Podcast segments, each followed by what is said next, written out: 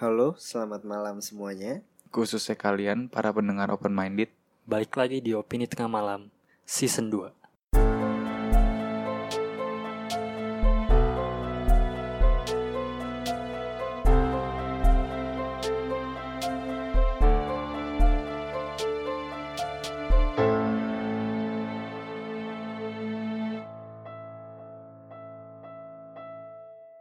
Oke, jadi ini tema baru yang udah kita pernah bilang ya Hmm.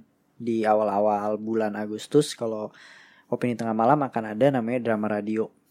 Mungkin akan gue namain drama tengah malam. Oke, drama tengah malam episode pertama ini tentang drama ra- bertemakan drama radio. Judulnya itu Dia Baik. Dia Baik ini bergenre horor. Gue kasih tahu dulu. Terus sinopsisnya itu eh dari kisah nyata, dari tiga kisah nyata dari tiga orang yang berbeda. Cuma di di drama ini gue buat seolah-olah satu orang yang merasakan gitu. Jadi hanya satu orang yang merasakan dan wajib kalian dengerin pakai earphone wajib banget. Jadi ini kalau kalian sekarang yang dengerin belum pakai earphone, saran gue sekarang ambil earphone earphone kalian atau kalau yang lagi di mobil gedein. Kalau saran gue yang di mobil sih ya jangan sih. Maksud gue mending jangan di setel dulu mending di rumah. Karena gue takutnya ya kalian tuh kenapa-napa kan. Asik kayak ini horor banget gitu. Karena serius serius serius. Ini ini ini serius horor. Dan semoga yang ingin kita sampaikan itu tersampaikan pesannya. Entah horornya atau ceritanya. Dan kalau kalian udah dengerin mungkin minta masukannya dan kritikannya ya. Oke mungkin kita dengerin dulu ya bareng-bareng. Tiga dua satu. Ada tiga orang remaja yang sudah berteman lama dan mereka bernama Pras, Jojo, dan Rian. Mereka memiliki kebiasaan setiap hari libur menginap di rumah Rian karena rumah Rian sudah menjadi base camp bagi mereka sejak lama. Namun, Rian belum lama pindah rumah dan ini menjadi kali pertama Jojo dan Pras menginap di rumah Rian. Hello motherfucker Ya elah, mana sih Jo? Biasa deh man, ntar malam juga pasti datang. Ini ada makanan nih, gua ambil ya cekinya. Iya, ambil aja Eh, Pras, nanti lu kalau nginep jangan macem-macem ya kalau ngeliat sesuatu Iya tenang, emang ada apaan sih? Gue juga kagak bisa lihat kali.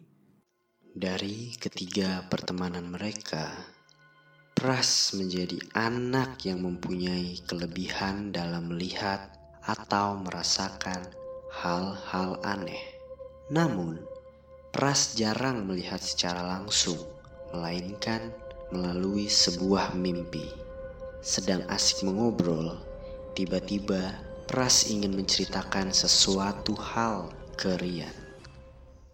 Eh Yan, sebenarnya gue pengen cerita nih dari dulu tentang yang gue rasain di rumah lama lu. Cuma kan dulu lu masih tinggal di sana, jadi gue nggak enak aja ceritanya. Kan, anjing emang lo Dari dulu gue udah ngerasa lu pasti pernah lihat atau ngerasain hal aneh di rumah lama gue Cuma kalau ditanya selalu Kagak pernah ya ge ya udah mau denger gak lu? Tapi gue sambil makan ya. Ya udah ceritain dah Orang gue gak bakal pernah ke sana lagi Oke. Jadi waktu itu udah lama banget pas zaman kita SMA kali. Kita kan nginep tuh di rumah lu. Terus kita tidur sekitar jam jam 1 atau jam 2-an gitu. Nah, pas itu gue inget banget suasananya. Lampu udah pada mati. Terus lu berdua sama Jojo udah tidur. Cuma suara TV aja yang masih nyala. Terus tiba-tiba gua kebangun tuh dengan posisi tidur miring. Lu tahu kan posisi tidur miring gimana? ah, Anjing, ini lu beneran gak sih? Ye, dengerin dulu, beneran ini. Terus gue buka mata dikit kan.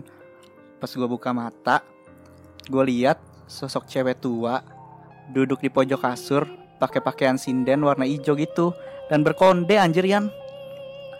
Tapi karena gue panik, akhirnya gue nggak mau lihat ke situ kan.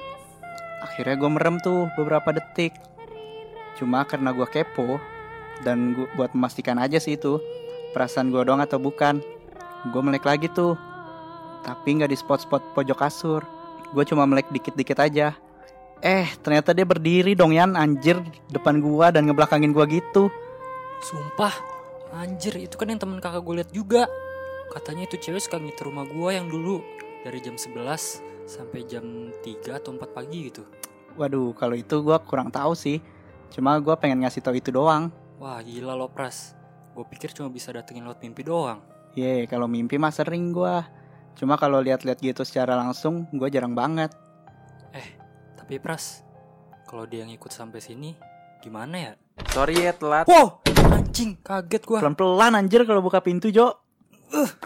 Aduh aduh, kenapa jadi gue yang disalahin? Bodoh amat, masih deg-degan nih gua gara-gara cerita pras tadi. Eh apa sih apa sih? Kepo nih. Udah, nggak usah dibahas. FIFA dulu aja dah, biar suasana enak. Ntar jam 12 malam baru kayak biasa kita sharing cerita horor. Siapa dulu nih lawan gua? Gue lah. PSG gue lagi haus kemenangan nih. Mereka bertiga akhirnya memutuskan untuk bermain games. Namun, tanpa disadari, waktu sudah menunjukkan pukul satu malam. Dan ini menjadi kali pertama Pras menginap di rumah Rian. Biasanya, Pras selalu dinampakkan lewat mimpi jika datang ke tempat yang baru ia kunjungi. Dan hal itu benar-benar terjadi pada malam pertama di rumah Rian. Ih ih passing. Shoot. Go. Anjir, hoki banget tai. Ah, udah udah udah. Cerita horor lagi bisa nih. Udah lewat dari jam 12 malah. Ah takut gue. Ini rumah juga masih baru lagi.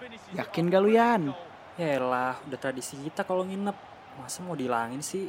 Ya udah, bisa dah. Gue matiin PES dulu ya. Gue di tengah, gue di tengah.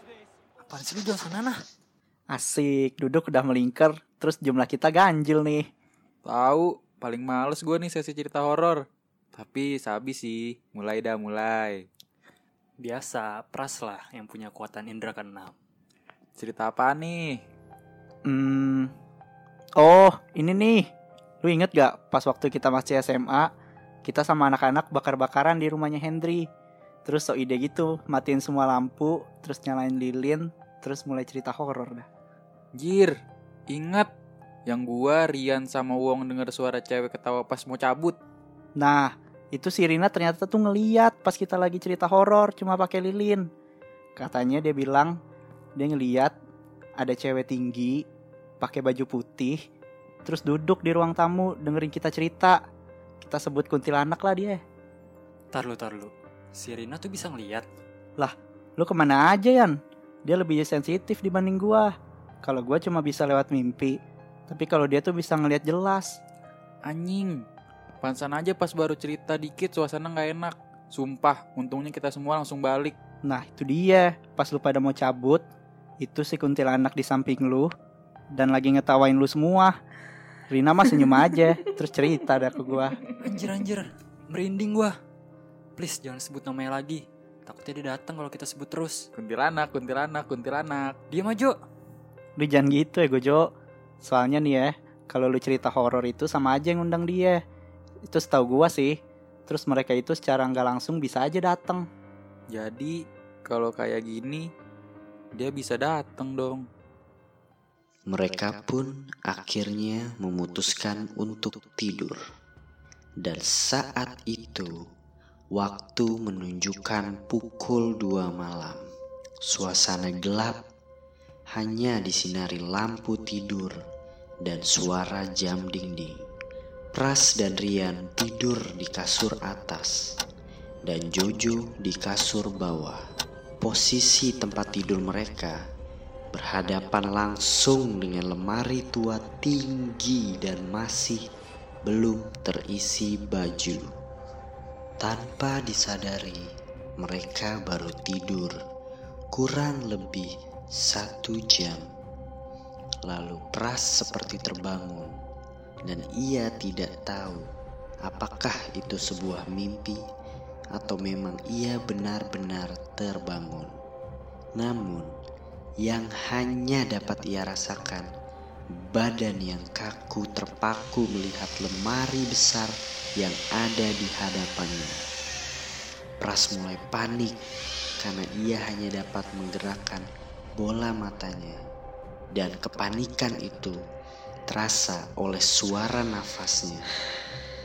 Terlihat di atas lemari bayangan berbentuk hitam bulat dan bayangan hitam itu lama-lama berubah menjadi sosok wanita tua dengan keadaan menunduk, muka yang pucat, rambut yang putih, dan keriput yang memenuhi seluruh wajahnya. Sosok wanita tua tersebut terlihat di atas lemari seperti siap ingin melompat ke arah Pras. Pras hanya terdiam melihat sosok wanita tua di depannya karena badannya yang kaku dan masih diiringi nafas yang tergesa-gesa akibat tatapan tajam sosok wanita tua tersebut. Wanita tua tersebut tiba-tiba melayang terbang ke arah depan muka Pras dan langsung tepat di hadapannya dan Pras hanya terdiam menatap tajam sosok wanita tua tersebut diiringi rasa takut. Tiba-tiba Rian pun terbangun dan langsung duduk dengan mata tertutup. Lalu melihat ke arah Pras dan sosok wanita tua tersebut sambil mengatakan dengan teriak, Dia baik, dia baik, dia baik, dia baik.